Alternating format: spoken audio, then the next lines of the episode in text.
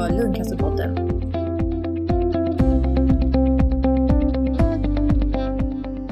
Precisionsmedicin har revolutionerat cancervården de senaste åren.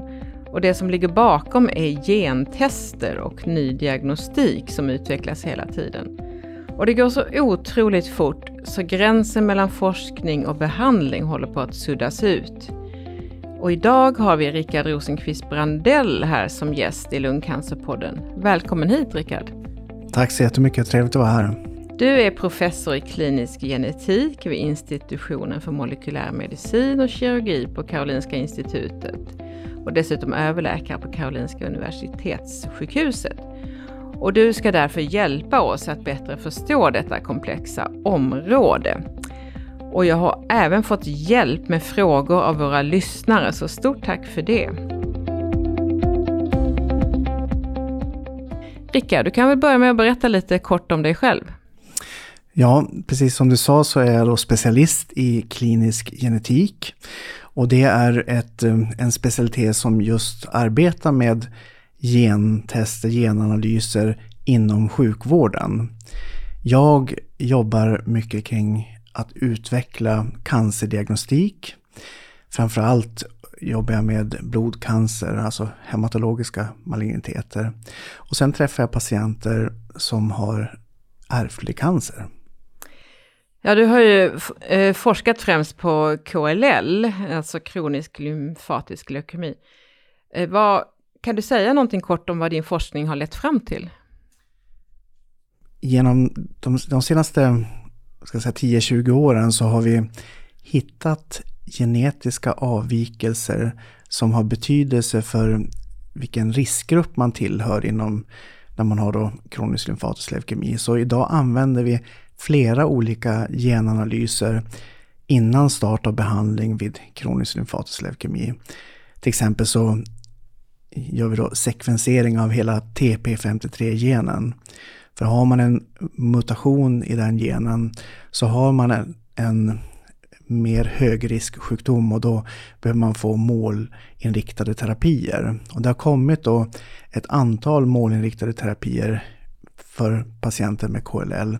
Så här gör vi verkligen precisionsdiagnostik och sen har vi också precisionsläkemedel att tillgå.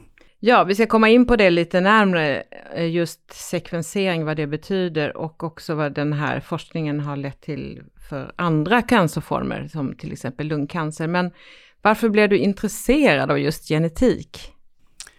Jag hade en biologilärare som var väldigt intresserad av molekylärgenetik och molekylärbiologi. Så att eh, jag blev inspirerad av detta, bestämde mig sen för att läsa medicin. Men jag vet inte riktigt varför, men, kände att jag var väldigt intresserad av blodcancer och genetik. Så jag kontaktade ett antal eh, forskargruppsledare och frågade, har de projekt eh, som de kan erbjuda? Och på den vägen är det. Mm. Du är ju också överläkare, innebär det att du fortfarande träffar patienter? Jag träffar eh, fortfarande patienter och det är framförallt det område som jag arbetar är ju då familjer där man har flera familjemedlemmar som har cancer, där man då misstänker att det finns en ärftlig cancer. Och det gäller ju bröstcancer till exempel och eh, tjocktarmscancer. Men vi har under senare år också sett nu att det finns mer också av ärftlighet för blodcancer. Om vi går in på det här med precisionsmedicin då. Det låter ju så himla bra det här att vi har individanpassad vård. Hur långt har vi egentligen kommit? Ja, för mig så är precisionsmedicinen, det är dels då att, att vi ska få en så bra diagnostik som möjligt och då är ju genomik, alltså genetik, det är det första steget men det behövs många andra komponenter också för att verkligen få till det här på riktigt. Man pratar om proteomics, metabolomics och så vidare. Ehm, och sen så är det viktigt då att man har, genom att vi har Eh, använt oss av de här eh, kraftfulla sekvensteknikerna så har vi kunnat påvisa vilka förändringar som är vanliga mutationer vid olika cancerformer. Och parallellt så har läkemedel utvecklats som då slår mot de här särskilda genetiska förändringarna. Och därför så har vi nu i tid möjligheten alltså att vi kan både göra den här diagnostiken och även ge behandlingen. Man kan utveckla medicinen vartefter? Det är så? Alltså man hittar olika avvikelser som är viktiga och så utvecklar man mediciner. Mm. Och det har, det, har, det har gått snabbt i båda fälten. Mm. Och det är därför jag tror att vi nu tidsmässigt är verkligen kan ge precisionsmedicin. Mm. Men, men det är ju fortfarande måste man säga att det är för vissa områden, till exempel Precis. sällsynta diagnoser och cancer som det här Precis. kommer. Men vi då som eh, har nytta av det här, vi lever ju verkligen i liksom eh, frontlinjen där ni forskare finns. Det är ju det som är så fantastiskt, att man får vara med. Och det, det, det, jag håller helt med dig. Och, och, det är just det som jag tycker är så spännande, att vi, vi det är så nära mellan forskning och klinik, mm. så att man verkligen... Eh, man känner vinddraget. Ja, mm. Blodcancer, malignt melanom, tjocktarmscancer och lungcancer är gynnsamma att analysera. Varför just de cancerformerna? Det har ju att göra med det att man vid de här cancerformerna så har man använt de här eh, sekvensteknologierna för att ta reda på vilka genetiska avvikelser är viktiga för tumörutveckling och för att det blir en mer aggressiv sjukdom. Så att eh, om man tar till exempel lungcancer så är det ju en otrolig utveckling som vi ser att man har hittat många olika genetiska avvikelser som definierar särskilda undergrupper av, av sjukdomen. Och sen har man då allt eftersom då hittat nya målriktade terapier. Och, sa, och samma är det ju då för andra cancerformer men eh, men vi har sett, det har gått väldigt snabbt just inom lungcancerområdet och liknande på väg inom andra cancerområden. Kan man säga att det är själva analysarbetet som har utvecklats? Analysarbetet har utvecklats eh, från att vi för några år sedan, så, eller vi säger tio år tillbaka, då kunde man titta på enstaka gener och göra en sån här sekvensering. Men idag så kan vi göra många gener samtidigt. Och det är det som gör att vi då kan eh, just testa för många olika gener och se om det finns en mutation och sen bestämma vilken terapi är den bästa för den patienten. Om vi går in då på eh, utvecklingen av eh, precisionsmedicin eh, som många av oss lungcancerpatienter får. Vad är det som den målriktade behandlingen gör med cancercellerna? Ja men det är ju som sagt i cellen så finns det många olika signalvägar som är viktiga och som man kan säga att cancercellen har eh, kidnappat för att eh, med hjälp av olika genetiska avvikelser så, så blir det för mycket signalering eller det kan också vara för lite signalering. Och det är just mot de här förändrade eh, proteinerna då som har blivit muterade som man då kan göra eh, målinriktade terapier så att man då bryter en, en signalväg som signalerar för fullt i cancercellen. Men det, kan också, det finns ju också andra former av terapier, immunterapi, som inte är just mot en riktad eh, avvikelse. Så att det är målinriktade eh, terapier, det finns olika former av målinriktade terapier. Om vi pratar lungcancer, vilken grupp kan behandlas med precisionsmedicin? Alltså det finns ju ett antal olika läkemedel idag som man kan då använda om man har olika former av genetiska avvikelser. Jag är inte expert just på lungcancer men, men jag har sett bilder där man visar vilka läkemedel som är tillgängliga idag men så också sådana som är på gång i studier eh, mm. runt om i världen och det är en, faktiskt en imponerande aktivitet där eh, man utvecklar nya läkemedel. Så att men det är icke småcellig eh, lungcancer. Ja. Mm. Och det är just på mutationer, de som har mutationer som eh, kan använda ja. målriktad behandling. Jag tror att det är cirka 15 till 20 procent, jag pratade med min läkare igår, av alla lungcancerpatienter som får målriktad behandling.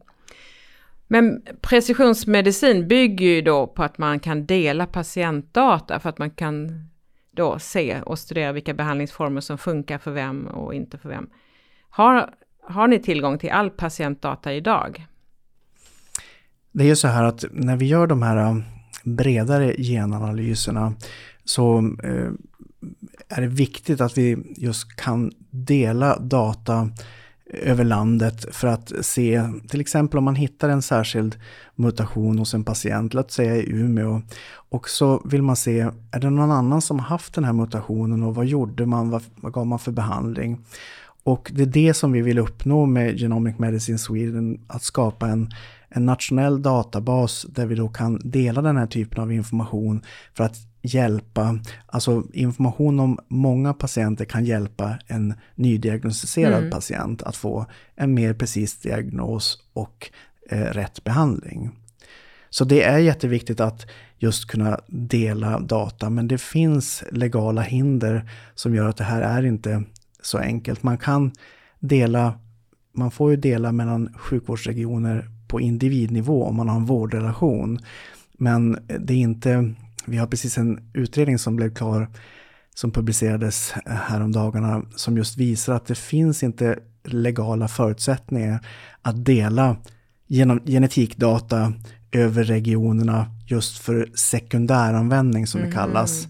Att man att man hjälper en tredje patient baserat Nej. på andras eh, eh, uppgifter. Det låter ju konstigt. Det är väl någonting som måste ändras hoppas jag.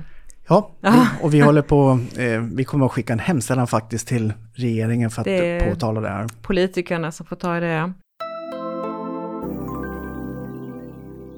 Om vi går in på det här med gentester. Ungefär hälften av alla lungcancerpatienter får sin tumör analyserad genom en gentest idag. Eh, vet du varför inte alla får det? Alltså jag har eh, förstått att man eh, allt mer gör fler och fler. Eh, jag kan inte säga vad den exakta andelen idag, men jag vet att en stor andel av de genpaneler som vi gjorde förra året var just lungcancer.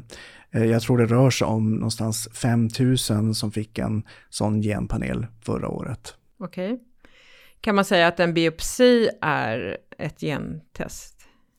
Alltså det är ju det material man använder för att göra gentestet. Alltså man, man tar ju en biopsi som är en vävnadsbit då, och sen preparerar man fram arvsmassan, DNA. Mm. Och det är det man oftast använder då i de här gentesterna. Men vad är skillnad då på eh, att göra blodprovstest? Ja, du menar de här flytande biopsierna? Ja. Är det det du tänker mm. på? Ja, alltså flytande biopsier eller liquid biopsy, det är ju, då är det så här att i, hos en patient med cancer så kan det finnas små, små mängder av cirkulerande tumör-DNA. Alltså DNA som, har, som kommer från tumören. Och genom att ta ett blodprov så kan man då analysera den här lilla mängden tumör-DNA och följa till exempel om man vet vad patienten hade för, för mutation så när man då behandlar så kan man då följa behandlingsrespons och se att den här nivån på den här mutationen sjunker. Och det är det som kallas då eh, eh, flytande biopsier. Och det tar man hur ofta? Ja, det, det, jag skulle säga det att det är fortfarande så att vi testar ut hur man ska använda de här. Mm. Så det är svårt att säga något intervall. Det kommer nog kanske vara olika också för olika sjukdomsgrupper. Eh, men helt klart är det så att det här kommer att komma in, att vi monitorerar Ehm, jag, I början när, du pratade om, när vi pratade om precisionsmedicin så är ju diagnostik, uppföljning, diagnostik och behandling viktig men också uppföljning, just den här monitoreringen. Det är också, måste man göra med precision så att man måste se vilka avvikelser har då den patienten och, och hur kan vi följa dem på ett bra sätt så att vi ser inte bara att man får ett bra svar på en, en, på en eh, behandling, men också om det är på väg tillbaka. Mm. Nej, för jag har fått göra blodprov en gång och testat att då eh, ja, mutationens förändring, att den svarar då mm. mot medicinen. Så att säkerställa det. Men kan man säga vem som garanterat får en sån här gentest vid diagnos eller Alltså, vi, mitt mål och GMS mål är att vi ska eh, kunna inom fem år erbjuda stora flertalet den här eh, typen av genanalys eh, vid cancer. Om vi tittar på eh, alla som får cancer så är det ju eh, omkring 64 000 patienter per år i Sverige och av dem så gjorde vi då förra året eh, drygt 13 000 genanalyser. Och en stor andel av dem är blodcancer, eh, nästan 6000 och resten är då andra solida tumörer. Ett blodprov, det låter ju som en billig lösning, men själva diagnostiken kostar mycket. Och... Ja, det är ju så att när man, när man eh, även om man tar ett blodprov eller en, en vävnadsbit eh, från en patient och preparerar fram DNA, så är det ju sen så, ska man ju då gå igenom, låt oss säga att vi har en genpanel på 200 gener eller 500 gener, då ska man då eh, dels göra det laborativa och det genereras mängder av data eh, från, från varje prov. Och för sen, jag brukar jämföra en gen som en instruktionsbok. Och då är oftast varje instruktionsbok består av många kapitel. Och vi måste gå igenom instruktionsboken noga, texten, för att se om det finns ett stavfel. Och finns det ett stavfel, då kan det vara till exempel en, en avvikelse som är viktig för att välja en, en viss sorts behandling. Men om man då, låt oss säga har 200 eller 500 instruktionsböcker som man ska gå igenom så tar det ju en hel del tid, även om vi har mm. bra, kraftfulla eh, verktyg så är det ändå så att... att eh, det är inte bara en dator nej. som analyserar, det är människor ja, som ska tolka. Precis. Mm. Så att, eh, och det är många olika yrkeskategorier som ja, är inblandade. Det är, förut, det är alltså naturligtvis det vi kallar bioinformatiker, det är de som hjälper oss att eh, processa all den här mängden data. Men sen är det oftast molekylärbiologer och läkare som är med i mm. den slutgiltiga bedömningen. Vad är det som bestämmer hur många gener man ska analysera, om det är 200 eller 300? Ja, det, jag tror att det har varit lite olika i olika områden. Vi, jag har jobbat mycket med de paneler vi har tagit fram inom eh, hematologi, alltså blodsjukdomar. Och där ligger de på 200-250 gener för att få en bra täckning av kliniskt relevanta gener där det antingen finns, alltså där man får information om hur man, vilken risk man har, alltså vilken riskgrupp man tillhör, men även då naturligtvis om det finns en, en bra behandling. Mm vid eh, eh, solida tumörer, där är det så att det är så många olika undergrupper. Eh, och för att verkligen täcka så bra som möjligt, då måste man nog gå upp till ungefär 500 gener. Och vi, inom GMS håller vi nu på att implementera en panel på 560 gener som vi har tänkt då ska vara i produktion på alla universitetssjukhus i landet eh, under året. Och, eh, och just att det är då eh, drygt 500, det beror just på att man vill täcka så många av dagens kända eh, genetiska avvikelser som är kopplade till behandling. Men det här kommer ju vara dynamiskt för att det kommer ju ändras över tiden. Så mm. vi måste vara också ganska agila att, att kunna förändra de här panelerna när det behövs ny typ av information. Men det är ju kopplat till behandling som du säger, så man gör inte i onödan eller? Nej, nej, utan nej. man gör det och sen får man ju också det, är inte, det kan vara så att det, eh, man kan få en förfinad diagnos, eh, att man får veta en, vilken undergrupp man tillhör av en sjukdom. Och sen så kan man just få den här, eh, vilket är viktigt just för blodcancer, att veta vilken riskgrupp man tillhör. Eh, för det bestämmer sen vilka, vilka typer av behandlingar som är aktuella. Men det finns ju patienter som själva bekostar en gentest och det kostar runt 20 000 har jag fått höra. Är det något du rekommenderar? Alltså jag tycker att eh, vi inom sjukvården ska kunna erbjuda de här testerna och att vi måste kunna skala upp att det ska vara alla i landet ska få lika tillgång och det är en av grundtankarna med Genomic Medicine Sweden att vi ska ha lika tillgång. Så att universitetssjukhusen är det nu i första hand och sen så får de andra regionerna, de kopplar upp sig mot universitetssjukhusen så att alla ska få mm. tillgång. Mm. Men om man Men, känner att jag kan faktiskt inte ja. vänta, min sjukdom är Nej, jag, jag, kan förstå det och jag vet, jag träffar eh, personer som har gjort det själv mm. gentest. Eh, de, är, de är ju inte alltid helt lätt att förstå så att, och då kommer de ju till oss för Precis. att få veta vad, Ta vad betyder det här. Ja, och det, det är naturligtvis... Det, det, det kan ju vara en hjälp. Det är en hjälp, absolut. Mm. Um, så jag kan förstå att man, att man eh, tar, kommer, alltså mm. själv kontaktar. Men, men jag hoppas verkligen att vården nu ska kunna eh, ge den här... Det kanske eh, trycker på så att vården absolut, ja. Mm. vill erbjuda alla. Ja, du har ju pratat om GMS och det betyder Genomic Medicine Sweden där du är ordförande och som är en infrastruktur för precisionsmedicin och samägs då av Sveriges regioner och universitet. Kan du förklara lite vad GMS gör? Ja, men det var, eh, vi har ju i Sverige en, en forskningsinfrastruktur som heter SciLife Lab, Science for Life Laboratory. Och ehm, där när de här nya sekvensteknikerna kom för drygt tio år sedan så började vi prata med dem, ska vi inte eh, börja anpassa med metoderna för vi såg att de här kommer att bli kraftfulla, att vi behöver ta in det i sjukvården, de här teknikerna. Och de var positiva till det, så då började vi eh, formera enheter som just var enheter som jobbade med den här överföringen. Först i Uppsala och Stockholm och sen så kom Lund och Göteborg med också med liknande enheter. Och då föddes den här idén att ska vi inte göra ett nationellt program eh, för att verkligen få, få till precisionsmedicin över landet. Och då kontaktade vi alla universitet och universitetssjukhus och alla var positiva till det hela. Så att då satte vi igång eh, med stöd från bland annat Swelife och Vinnova och att bygga in den här infrastrukturen. Och den, det går ut på alltså att vi ska ge då så bra precisionsdiagnostik som möjligt så att man kan då få eh, precisionsläkemedel. Ehm, och ehm, det är då, som du, som du var inne på, det är då ehm, universitetsregionerna och medicinska fakulteterna, det är de som sitter i styrgruppen. Och det är det som gör att man kan ta nationella beslut om att, att eh, driva den här utvecklingen framåt. Så det har varit en, en nyckel, just att vi har en, en nationell styrgrupp.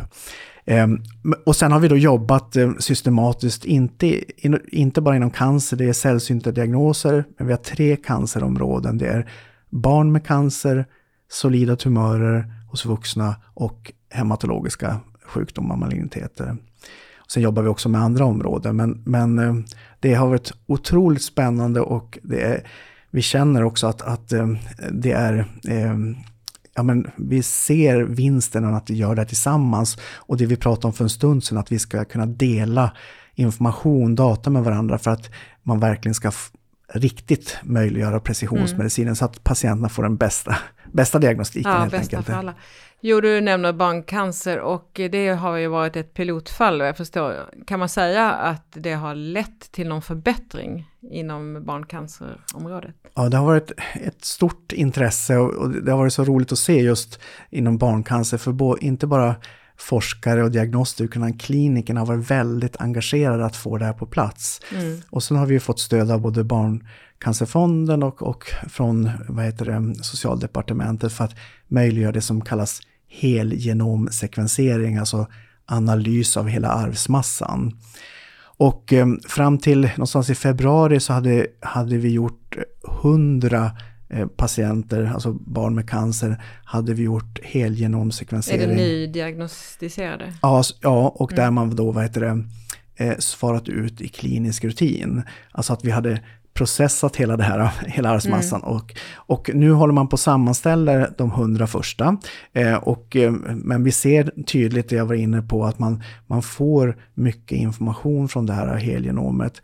Eh, är det just för att det är barn som det är Ja, barn har... Viktigt? Pre, jo, jag tycker mm. just för att det är barn så är det mm. viktigt. Och sen finns det i Sverige en, en, en struktur för att samla in Eh, prover. Det finns en barntumörbank okay. som gör att det, att det har, jag menar, det har eh, funnits en, ett system då för att samla in prover och, och det, har, det har man kunnat använda då när man ska sätta upp det här. Och, och, för oss är det viktigt, förutom att det är barn så är det bra att kunna titta just på en, en en diagnosgrupp och när man just ska göra sådana här stora breda analyser. För det är ju så att ett helgenom är tre miljarder DNA-bokstäver. Så att, eh, eh, och nu, så, nu skalar vi upp så att nu eh, ska mm. vi försöka göra, målet är att vi ska göra alla barn i Sverige ska få tillgång till det här, barn med cancer. Mm. Eh, om, förutsatt att det finns tillräckligt material då när man ska göra mm. det här. Men, men... Och vi kan nämna att det är cirka 350 som insjuknar mm. per år. Ja, det låter ju bra för det kommer ju spilla över på andra cancerformer. Absolut. Att man eh, går i bräschen. Vi gör ett liknande projekt faktiskt på akuta leukemier i Sverige. Alla, både barn och vuxna med akuta leukemier. Så att vi flyttar fronten mm, eh, Det sakta. låter jättebra. Eh, ja, om vi bara stannar upp lite. Vad betyder själva ordet gensekvensering? Ja, det är att vi läser av DNA-koden, alltså DNA-sekvensen. Ehm, vårt DNA består av fyra ehm, bokstäver som kombineras på olika sätt och ehm, det är ju som en instruktion för att bilda olika proteiner, alla proteiner som vi består av. Så det är verkligen en, en instruktionsbok. Ett annat begrepp är NGS eller Next Generation Sequencing. Är det samma sak eller? Ja, det, man kan säga så här att eh, vi har haft en, eh, en teknik förut som heter Sanger-sekvensering. Det var den eh, gamla typen av sekvensering och då kunde vi bara göra en bit i taget av, av en gen. Eh, men sen kom det, som, det här nästa generations sekvensering eller Next Generation Sequencing. Och det är en helt annan teknologi som har revolutionerat så att vi verkligen kan antingen titta på utvalda gener, eh, till exempel de här 500 generna jag pratade om tidigare, eller titta på hela arvsmassan. Och det är så att de här instrumenten som, som vi har fått, de, de sprutar ut små DNA-sekvenser och sen så lägger vi jättestora pussel helt enkelt för att, för att, och det är då vi behöver de här bioinformatikerna för att lägga ihop sekvensen. Eh, så att vi kan göra många gener samtidigt. Är det det som kallas genpanel då? Det är det som kallas genpanel. Vi gör många gener samtidigt. Förut så kunde vi bara göra en, en gen i taget. Okay. Eh, eller en bit av en gen i taget. Mm. Och man kunde oftast inte göra så många gener för då blir det för dyrt. Eh, men nu kan vi göra 100, 200, 500 gener eh, ungefär till samma pris som det var förut okay. för några få gener. Så att det har verkligen skett också en, förutom den tekniska möjligheten så har priset för sekvensering sjunkit dramatiskt. Mm. Och det är därför som vi också nu kan göra helgenomsekvensning därför att eh, priset närmar sig den nivå så att det är möjligt att göra det i sjukvården. Har man olika paneler då för olika cancerformer eller till och med olika mutationer? Ja, men det, det där är ju, det, det, går lite fram och tillbaka den här diskussionen, men eh, som jag var inne på tidigare, för blodcancer eh, har, finns en del genetiska förändringar som är eh, liknande som vid eh, solida tumörer, men, men det finns också skillnader, så där har vi bestämt att där har vi en, en, två olika kan, blodcancerpaneler. Eh, Medan för solida tumörer har vi försökt hålla ihop eh, alla olika cancerformer eh, och ha den här breda 560 genspanelen panelen det, det täcker det, det, det stora flertalet, men, eh, mm. men det är klart att det finns också andra cancerformer, till exempel sarkom, som är komplexa, det finns många undergrupper och, och där kan det behövas eh, ytterligare eh, analyser som man mm. behöver göra. Genom ett gentest kan man också få hjälp vid kommande förändringar, att man liksom ser i förväg? Hur kan man göra det liksom? Ja, det här som vi pratade om tidigare, jag vet inte om det är det du tänker på, det med flytande biopsier. Så jag berättade att man kan monitorera, man tittar på mutationen över tid och monitorerar om man svarar på en behandling. Men det finns också eh, en del eh, stora, relativt lovande studier att man kan använda samma teknik att ta ett blodprov och se om det hos friska personer, till synes friska personer och se eh, har de cirkulerande tumör-DNA. Och då skulle det här kunna vara ett tidigt sätt att upptäcka cancer och, och man skulle kanske kunna komma in med en behandling väldigt tidigt. Rickard, du blev ju utnämnd till Årets cancernätverkare 2022 och det var Nätverket mot cancer. Varför tror du att just du blev utnämnd? Först och främst så är jag otroligt hedrad av att få den utmärkelsen, särskilt när det kommer just från patientföreningarna. Det är jag otroligt glad för den och ja. tacksam. Ehm, jag tror att det är så att vi redan från början när vi startade upp Genomic Medicine Sweden så ville vi att patientföreningen skulle vara med. Och i den här nationella styrgruppen som jag pratade om där det sitter dekaner och forskningsdirektörer så är då två eh, platser för patientföreningar. Eh, och de är ju eh, fullvärdiga medlemmar och jag känner att det satte igång ett väldigt fint samarbete där vi försöker hitta sätt hur vi, för vi förstår att det utmanande med det som du har tagit upp idag med, med gener och diagnostik och, och, eh, och därför känner vi att vi behöver ha den här dialogen. Hur ska vi förmedla den här kunskapen? Dels att vi, att vi står inför en, en ny form av medicin där man då, där man, som är mer precis då för den enskilde individen. Eh, att man har de här möjligheterna både med diagnostik och behandling men även då det här med att dela data. Så alla de här aspekterna, vi har haft olika utbildningstillfällen och vi har eh, också en aktiv dialog nu för att se, hitta samverkansformer så att vi verkligen får med patienterna och närstående i den här processen. För jag tror det är jätteviktigt och inte minst för att framöver också kommer det vara viktigt att få med patientrapporterade data in i journalsystemet för att många cancerformer kanske botas eller blir kroniska. Och då kommer det vara väldigt viktigt att ha patientens eh, mm. egen, egna rapporterade data in i våra journalsystem. Ja, du brinner ju verkligen för det här, det hör jag. Och jag har motiveringen här, jag tycker den stämmer väldigt bra. Att du brinner för en bättre och jämlik cancervård i Sverige och även för patientsamverkan, både i forskning och vård. Och jag tycker att det verkligen lyser om dig. Det, det, det är det du vill säga.